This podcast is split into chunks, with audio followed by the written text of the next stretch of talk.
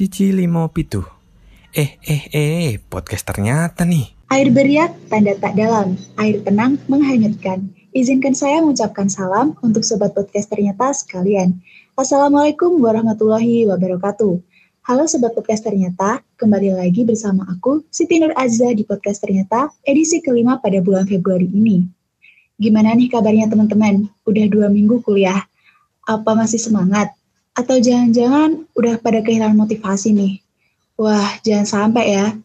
Ngomong-ngomong soal motivasi, bintang tamu podcast kita kali ini akan memberikan kita motivasi dan tips-tips untuk terus berprestasi buat teman-teman podcast ternyata sekalian. Tamu kita kali ini luar biasa banget loh prestasinya, sudah menjuarai berbagai macam lomba, baik nasional maupun internasional, dan berbagai penghargaan lain. Siapa lagi kalau bukan Kak Alvan? Halo Kak Alvan, selamat malam. Ya, selamat malam. Gimana kabarnya nih Kak? Alhamdulillah, baik-baik semua. Posisinya sekarang ada di mana nih Kak? Uh, saya lagi di rumah, di Gresik sekarang. Oh, lagi di Gresik. Uh, kesibukan akhir-akhir ini kalau boleh tahu apa ya Kak? Kalau kesibukan akhir-akhir ini cuma ngerjakan skripsi aja. Udah nggak lomba lagi. Wah, udah skripsi aja ya Kak. Um, di balik kesibukan skripsi ini Kak Alvan ini tetap produktif ya teman-teman. Uh, bisa dicek di IG-nya Kak Alvan. Kalau kakak ini meskipun udah uh, mahasiswa akhir dan mengerjakan skripsi gitu tapi kakak Alvan ini dia tetap produktif loh. Nah kak uh, langsung saja. Karena banyak pertanyaan yang masuk dari official account Prisma buat Kak Alvan mungkin bisa kita mulai sedikit perbincangan kita pada malam hari ini nih kak Uh, ngomong-ngomong soal prestasi maupun perlombaan, boleh tahu nggak sih kak, kakak ini mulai sejak kapan uh, tertarik buat mengikuti lomba? Atau mungkin kakak bisa menceritakan sedikit awal mula kakak uh, tertarik untuk mengikuti lomba gitu kak? Kalau mengikuti lomba, sebenarnya saya ikut lomba itu sudah dari SMP seperti itu. SMP, SMA, terus lanjut di kuliah itu ikut lomba awalnya sih karena dipaksa sama guru.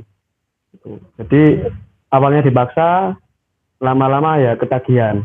Oh jadi berawal dari paksaan ya kak untuk mengikuti lomba. Nah uh, awal pertama kali mengikuti lomba tuh gimana kak? Kan ini banyak teman-teman yang belum mungkin ya belum pernah mengikuti lomba. Nah awal pertama kali mengikuti lomba itu perasaan kakak gimana? Apakah kayak uh, misalkan kan pasti ada uh, deg-degannya gitu ya. Nah itu kakak gimana?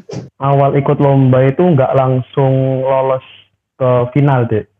Jadi ya seperti pada umumnya gagal berkali-kali sampai gak terhitung itu dulu. Jadi uh, yang paling susah itu uh, nentukan topiknya sama partner timnya itu yang paling susah biar sama-sama bisa kerjasama kayak gitu.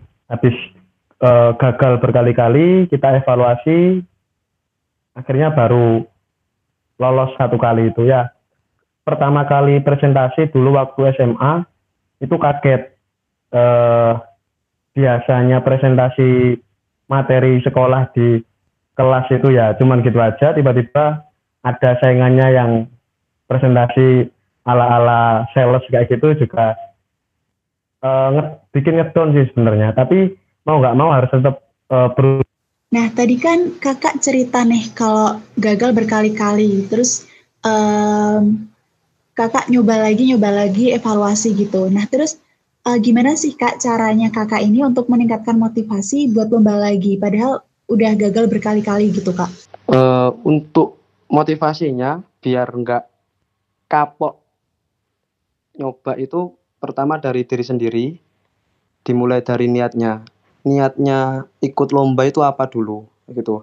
Kalau niatnya menang itu pasti sekali gagal kemungkinan besar itu nanti kapok kalau tujuan utamanya menang. Jadi menang itu sebenarnya cuma bonus kayak gitu. Kalau saya sendiri tujuan utamanya itu eh, ningkatin skill public speaking karena saya sendiri sadar kalau public speaking saya sangat jelek dulu kayak gitu bahkan ngomong sama orang pun nggak bisa lancar. Ngomong sama misal ngomong kamu sama kamu kayak kamu gini dulu itu nggak bisa saya gitu. Jadi tujuan utama saya ikut lomba dari public speaking terus mengasah skill uh, memecahkan masalah kayak gitu tujuannya utama. Kalau usur urusan menang atau kalah itu sebenarnya bonus kayak gitu. Selain itu juga karena ya gabut kayak gitu. Dan sumpah mikiri tugas-tugas sekolah sama tugas-tugas kuliah gitu. Kalau monoton terus gitu sih. Oke kak. Menarik banget motivasinya. Nah uh, ini banyak banget pertanyaan yang masuk di official account Prisma. Uh, gimana sih kak caranya kakak membagi waktu? Kan kakak juga kuliah terus kakak juga ikut organisasi tapi kakak bisa tetap berprestasi. Nah gimana caranya kakak untuk memanajemen waktunya tersebut untuk manajemen waktu sendiri sebenarnya kalau dari saya sendiri itu nggak ada trik trik trik trik khusus kayak gitu.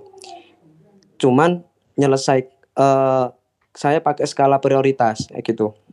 Misal em, kalau emang waktunya kuliah dari jam 7 pagi ya tapi kan di selawak di waktu jam 7 sampai jam 5, 5 sore itu kan nanti ada jam-jam kosong. Nah tuh kalau memang ada deadline kepastian deadline jadi itu saya sempatkan untuk waktu kosong-kosong itu. Dan ya tempat saya ngerjakannya Prisma itu di kos-kosan kedua gitu.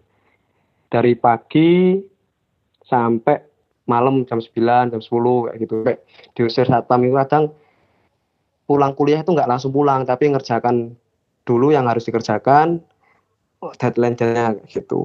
Jadi uh, ke skala prioritas sih. Yang mendesak yang mana, yang penting yang mana gitu. Kalau tugas kuliah kan bisa diestimasi kapan, terus panjang. Kalau dari saya sendiri itu kenapa bisa sedikit ketika saya ikut LKTI itu saya nggak berabang kayak teman-teman yang lain. Karena saya sendiri nggak sanggup kalau bercabang-cabang. Jadi cuman ikut satu LKTI sampai selesai gitu mungkin teman-teman yang sangat pandai ngatur waktu itu bisa bercabang-cabang. Kalau saya sendiri nggak bisa ikut KTI banyak dalam satu waktu yang sama. Jadi uh, bertahap begitu. Wah keren banget Kak Alfani. Uh, untuk membagi prioritas-prioritas uh, dalam menjalankan kuliah, organisasi dan juga prestasi. Nah kemudian nih Kak ada pertanyaan lagi uh, buat mahasiswa lanjut yang mungkin sudah semester akhir untuk tetap bisa candu berprestasi itu bagaimana ya Kak? tips dan triknya? Kalau mahasiswa akhir, setahu saya ini ya, karena dari maba itu nyoba terus ketagihan, rata-rata itu masih akan terus tetap nyoba sampai benar-benar eh, nggak uh, bisa membagi waktu lagi sama tugas akhir kayak gitu. Selagi masih ada kesempatan untuk ikut LKTI pasti masih uh, ikut gitu. Dan mungkin kalau memang di, di semester akhir itu masih tetap ingin ikut LKTI, sarannya bisa mengajak adik tingkat itu yang angkatannya lebih di bawahnya gitu. Biar ada regenerasi sih sebenarnya.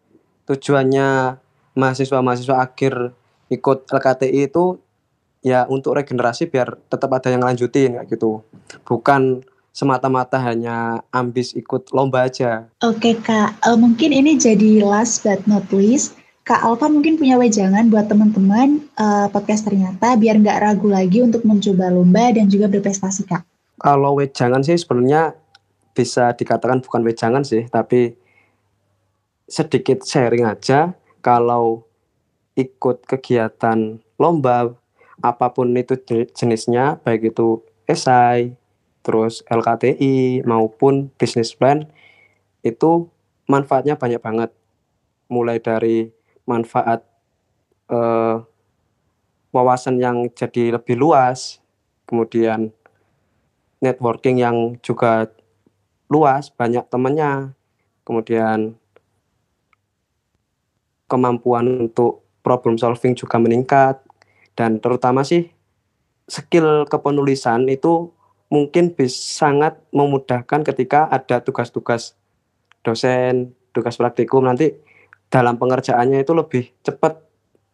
Kayak gitu. Karena udah terbiasa nulis-nulis yang berlembar-lembar. Meskipun ya bukan nulis tangan tapi diketik ya. Cuman uh, udah tau lah cara trik-triknya nulisnya yang cepet gimana yang baik gimana yang benar gimana cara penulisan yang benar gimana gitu.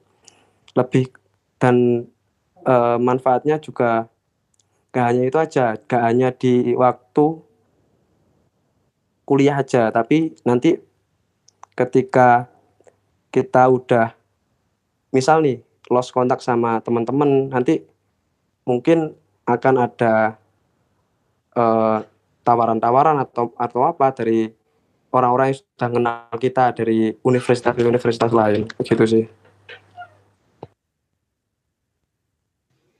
Wah, terima kasih banget buat wejangannya Kak Alvan. Gak terasa sudah beberapa menit kita berbincang-bincang. Semoga bulan kita kali ini dapat bermanfaat buat teman-teman yang mendengarkan podcast ternyata. Terima kasih banyak buat Kak Alvan sudah mau meluangkan waktu untuk memberikan jawaban atas pertanyaan-pertanyaan mengenai candu lomba pada podcast kali ini. Semoga Kak Alvan selalu sehat dan terus sukses ya Kak, serta senantiasa diberi rezeki yang melimpah. Saya Azizah pamit undur diri, buat teman-teman yang ada di rumah, jangan lupa untuk tetap jaga kesehatan dan terus semangat kuliahnya. Sampai jumpa di podcast ternyata edisi selanjutnya. See you. Wassalamualaikum warahmatullahi wabarakatuh.